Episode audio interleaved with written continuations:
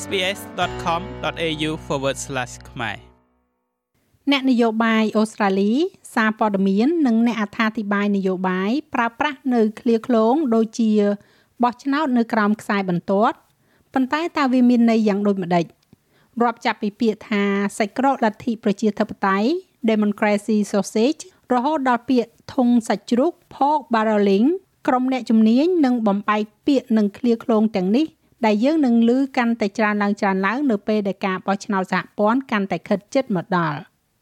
រាប់ចាប់ពីពាក្យថាការបោះឆ្នោតសត្វលាឬក៏ donkey vote រហូតដល់ពាក្យថាយុទ្ធនាការរោគសម្លេងឆ្នោត Hastings អំណាចដែលកំពុងតែកាន់ incumbency និងធុងសាច់ជ្រូក pork barreling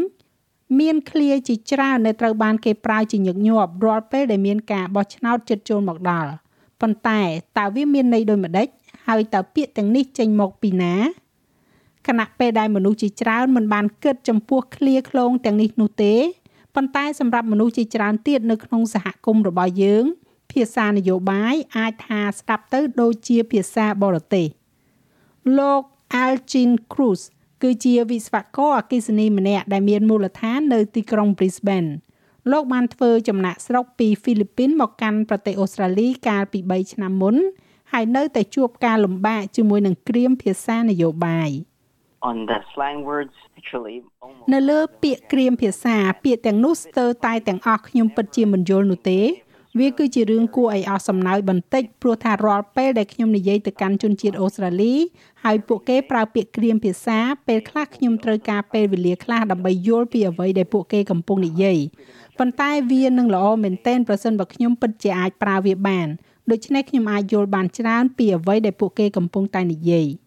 ដូច្នេះចូលបំបីពាក្យដែលគេប្រើជាទូទៅមួយចំនួន ដែលអ្នកអាចនឹងឮនៅពេលជិតដល់ការបោះឆ្នោតសហព័ន្ធនេះដោយចាប់ផ្ដើមពីពាក្យសាច់ក្រកប្រជាធិបតេយ្យឬ democracy sausage ថាតើវាគឺជាអ្វីចម្លើយខ្លីៗគឺនំ sandwich សាច់ក្រកដែលគេស្គាល់ថាជាសាច់ក្រកដាក់នៅក្នុងនំប៉័ងដែលអ្នកបោះឆ្នោតអាចទទួលបាននៅការិយាល័យបោះឆ្នោត នៅថ្ងៃបោះឆ្នោតប៉ុន្តែវានៅមានច្រើនជាងនេះទៀតសាស្ត្រាចារ្យនិងជាអ្នកនិពន្ធរបស់សាកលវិទ្យាល័យ La Trobe Emeritus Judith Brett និយាយថាមានដើមកំណើតគួរឲ្យចាប់អារម្មណ៍ចំពោះឃ្លានេះដែលបានកើតឡើងប្រហែលជាក្នុងអំឡុងឆ្នាំ2012 a group of young people on social media យុវជនមួយក្រុមនៅលើប្រព័ន្ធផ្សព្វផ្សាយសង្គមបានប្រើពាក្យថាសាច់ក្រកប្រជាធិបតេយ្យនេះដើម្បីនិយាយអំពីកន្លែងដែលអាចទិញសាច់ក្រកសម្រាប់អាហារពេលព្រឹកបាននៅពេលអ្នកទៅបោះឆ្នោតហើយពាក្យនេះក៏បានចាប់ផ្ដើមឡើងយើងក៏លេខមកមើលឃ្លាបោះឆ្នោតសัตว์លាឬក៏ donkey vote ផ្ទុយទៅនឹងជំនឿដ៏ពេញនិយមដែលថាវាជាការបោះឆ្នោតដែលបោះឲ្យរួចតែពីដៃតែវាពិតជានៅតែជាការបោះឆ្នោតជាផ្លូវការ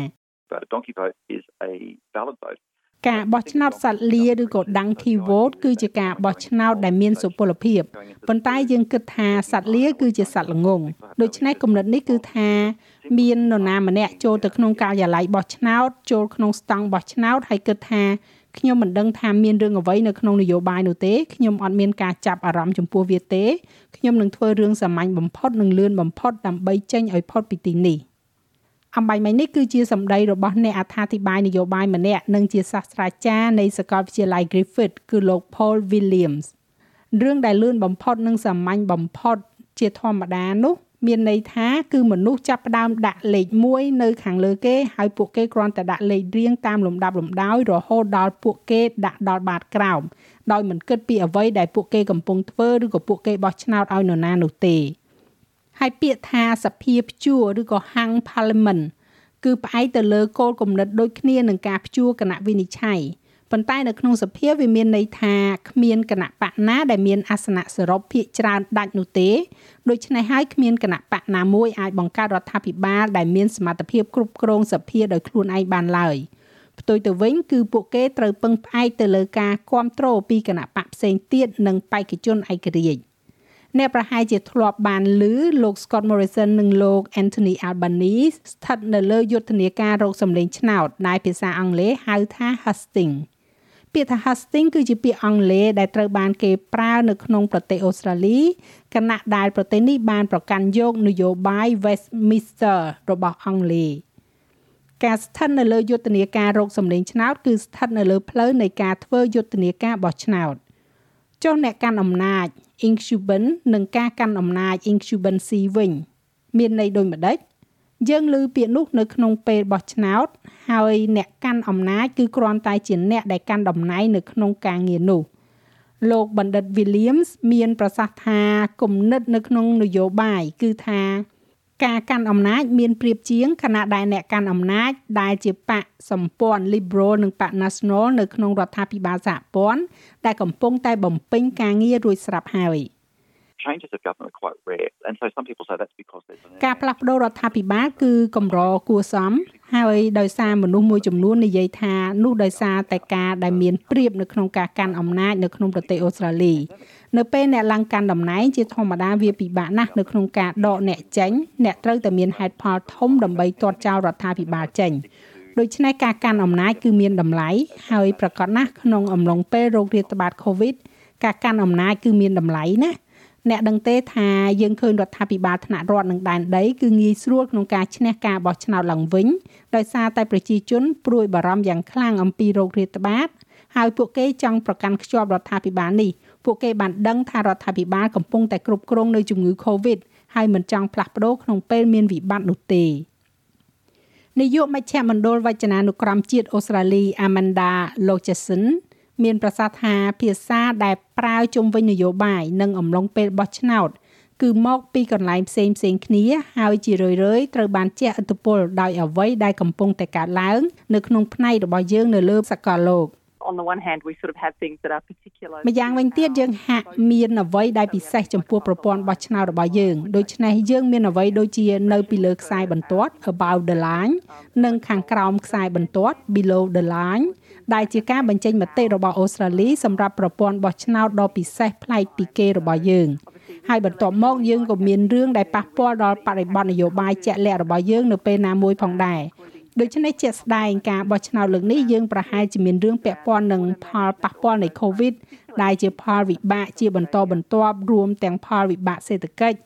ជុំវិញបញ្ហាសន្តិសុខអ្វីបែបនោះជុំវិញការគ្រប់គ្រងព្រំដែនបញ្ហាពិសេសគ្រប់ប្រភេទដែលប៉ះពាល់ដល់ប្រទេសអូស្ត្រាលីហើយប្រសិនបើអ្នកឆ្ងល់ថាខាងលើនិងខាងក្រោមខ្សែបន្ទាត់មានន័យយ៉ាងណានៅក្នុងការបោះឆ្នោតអូស្ត្រាលីនោះ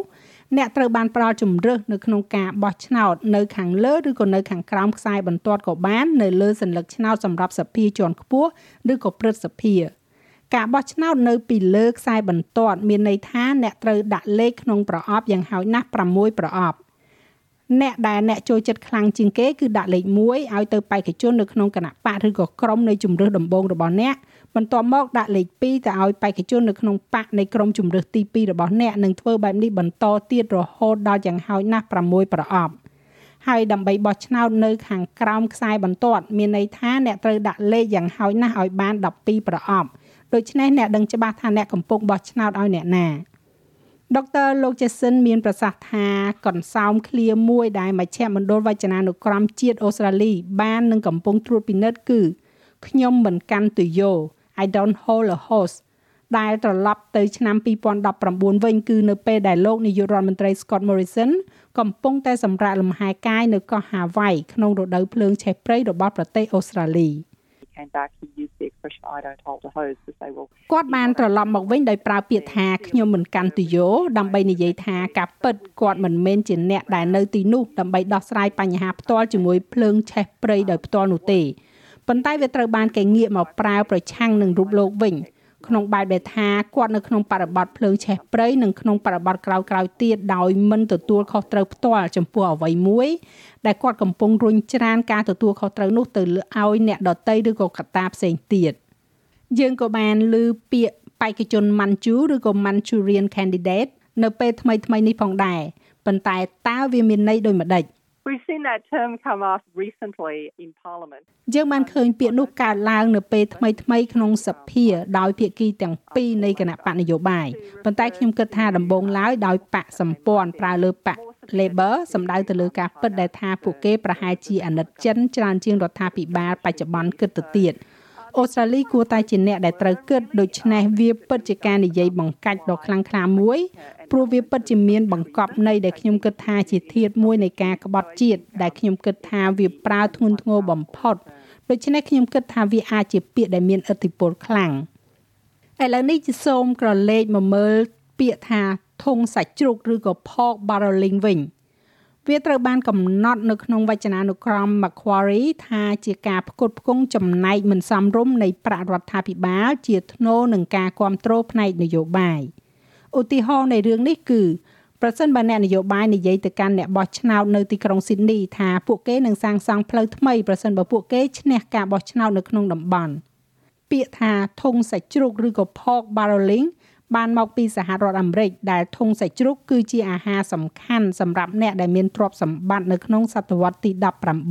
19សរុបមកវាគឺជាការសន្យាដែលអ្នកនយោបាយផ្ដល់ជូនប្រសិនបើអ្នកគ្រប់គ្រងពួកគេពួកគេនឹងគ្រប់គ្រងអ្នកវិញលោក Algin Cruz និយាយថាក្រៀមភាសានយោបាយអាចជារឿងល្អសម្រាប់មនុស្សដែលរីកធំធាត់ឡើងនៅក្នុងប្រទេសអូស្ត្រាលីខណៈដែលពួកគេមានពេលសម្រាប់ទម្លាប់ខ្លួនឯងចំពោះពាក្យស្លោកក្រៀមភាសាទាំងនោះប៉ុន្តែសម្រាប់ជនចំណាក់ស្រុកថ្មីថ្មោងដូចជារូបលោកលោកនិយាយថាសំបីតែនៅពេលដែលអ្នកបើកចិត្តរៀនឃ្លាឃ្លោងទាំងនេះក៏ដោយក៏វានៅតែជាឧបសគ្គនៅក្នុងការយល់ដឹងអំពីនយោបាយអូស្ត្រាលីដែរ If you're going to tell me that would it benefit the Australian politics ប្រសិនបើអ្នកនឹងប្រាប់ខ្ញុំថាតើវាមានប្រយោជន៍ដល់នយោបាយអូស្ត្រាលីទេខ្ញុំចង់និយាយថាព្រោះអូស្ត្រាលីមានជនចំណាក់ស្រុកផ្សេងផ្សេងគ្នាមកពីប្រទេសផ្សេងផ្សេងគ្នាដូច្នេះជនចំណាក់ស្រុកកាន់តែច្រើនចូលមកបោះឆ្នោតពួកគេមិនដឹងថាពួកគេកំពុងធ្វើអ្វីនោះទេគេមិនដឹងថាអ្នកណាទៅបោះឆ្នោតហើយអ្នកណាមិនទៅបោះឆ្នោតនោះទេដូច្នេះវានឹងមានឥទ្ធិពលអវិជ្ជមានទៅថ្ងៃអនាគត ប្រហែលជាមិនមែនឥឡូវនេះទេប៉ុន្តែនៅពេលដែលវាដំណើរការទៅមុខបាទប្រហែលជាមានបញ្ហាចាស់ហើយរបាយការណ៍នេះចងក្រងឡើងដោយ Monique Publos សម្រាប់ SBS News និងប្រាយសម្រួលសម្រាប់ការផ្សាយរបស់ SBS ខ្មែរដោយនាងខ្ញុំហៃសុផារ៉ានីចូលចិត្តអ្វីដែលអ្នកស្ដាប់នេះទេ Subscribe SBS ខ្មែរនៅលើ Podcast Player ដែលលោកអ្នកចូលចិត្ត